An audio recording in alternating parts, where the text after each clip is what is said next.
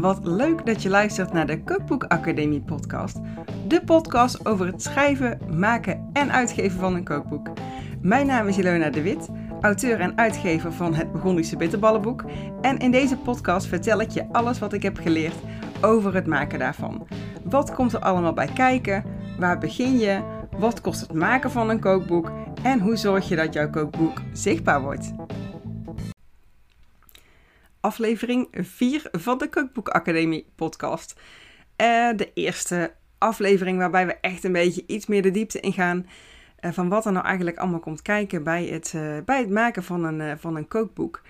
Ik had het idee bij het terugluisteren van, van de vorige aflevering. Ik neem verschillende afleveringen zeg maar achter elkaar op.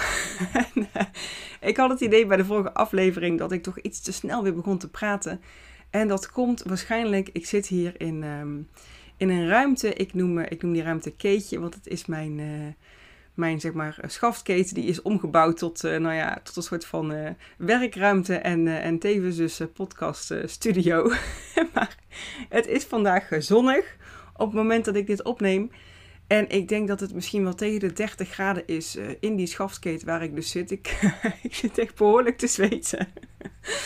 Uh, maar ik moet ook alle ramen en deuren dicht houden, want uh, nou ja, anders komt er gewoon te veel geluid van buiten. Maar ik ga mijn best doen om weer iets langzamer uh, te spreken. En, nou, en jullie mee te nemen in, in wat er nou komt kijken bij het maken van een kookboek. Ik heb namelijk een tijdje terug via, ehm, nou, via mijn Instagram-kanalen, via mijn social media-kanalen, via mijn e-maillijst heb ik um, verschillende mensen gevraagd, zeg maar, van hey, heb jij de droom om een eigen kookboek te maken? Of denk je er wel eens over na? Zou je mij wat vragen in willen vullen um, in, een, in een soort van enquête? Dat is een Google, een Google formuliertje is dat. Overigens, als je, die, als je zegt van hey, die wil ik ook nog wel invullen, dan kan dat.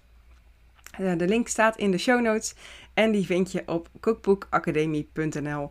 En dan, ja, ik denk dat ik hem gewoon eventjes in alle show notes zet. Maar je kunt uh, een aflevering zeg maar, van de Kookboek Academie uh, kun je altijd terugvinden via kookboekacademie.nl en dan slash en het nummer van de podcast. Dus in dit geval is dat kookboekacademie.nl slash 4 van aflevering 4 en daar staat die link. Maar de, ik had best wel wat mensen die dat, uh, die dat in hadden gevuld. En eigenlijk op één stond bij, bij mijn vraag, zeg maar, van wat, wat is voor jou het nummer 1 bezwaar om, uh, om geen werk te maken van het realiseren van jouw kookboek. En het nummer 1 antwoord daarop was dus, um, of het meest, meest gegeven antwoord daarop. Mensen konden zeg maar verschillende dingetjes aanklikken, maar ook zelf een antwoord geven. En dat is, ik weet niet waar ik moet beginnen. Um, ja, en dat snap ik wel, want uh, het, is, uh, het is nogal wat, zeg maar. Overigens stond op nummer 2, en die ga ik uh, zeker in de volgende aflevering behandelen. Op nummer 2 van die, het antwoord op die vraag was: Ik heb het idee dat het me vooral veel tijd en energie kost en weinig oplevert. Dus daar ga ik het in een, in een volgende aflevering over hebben. Maar wat is nu. wat zou volgens mij, zeg maar, stap 1 moeten zijn in waar moet ik beginnen als ik graag een eigen kookboek uit wil geven. En ik denk, hij is misschien te voor de hand liggend, maar ik heb ook gezien dat het voor niet iedereen, uh, dat niet iedereen al zover is. Ook in ieder geval niet degene die die enquête hadden ingevuld. En dat is natuurlijk een onderwerp kiezen. Waar gaat jouw kookboek over? En uh, hoe onderscheid jij je daarin van andere kookboeken op, uh, die al op dat zeg maar, thema of in die keuken of op dat gebied zeg maar, in dat genre zijn verschenen? Dat is denk ik uh, ja, de allereerste stap die je gewoon voor jezelf duidelijk moet hebben. En de vraag is ook, ben jij zeg maar, uh, ja, heb jij genoeg autoriteit om, uh, om over dat onderwerp zeg maar een kookboek te maken? Want je kunt je voorstellen dat, uh, ja, dat zeg maar het, het, het, hebben van een aantal familierecepten uh, of gewoon een, het hebben van een aantal recepten die mensen bij jou hebben gegeten en waar, waarover ze heel enthousiast zijn, dat dat niet uh, per se direct zeg maar een, uh, een hele originele insteek is die, die het goed doet zeg maar in de boekwinkels. Want ja, wie ben jij en, en waar komen jouw recepten vandaan? Wat zijn de verhalen erachter? En um, je kunt je ook voorstellen dat als iemand bijvoorbeeld, um, ja, als iemand zonder Griekse achtergrond zonder Griekse roots, als die besluit een kookboek over de Griekse keuken te schrijven, uh, ja, dan moet je je dus afvragen van, ja, hoe, maar hoe kom jij zeg maar, uh, ja, hoe authentiek ben jij daarin? En, en dat kun je heel goed, denk ik, verantwoorden als jij, ik noem maar even iets, al je hele leven naar Griekenland op vakantie gaat. misschien getrouwd bent, zeg maar, met, met iemand uit Griekenland.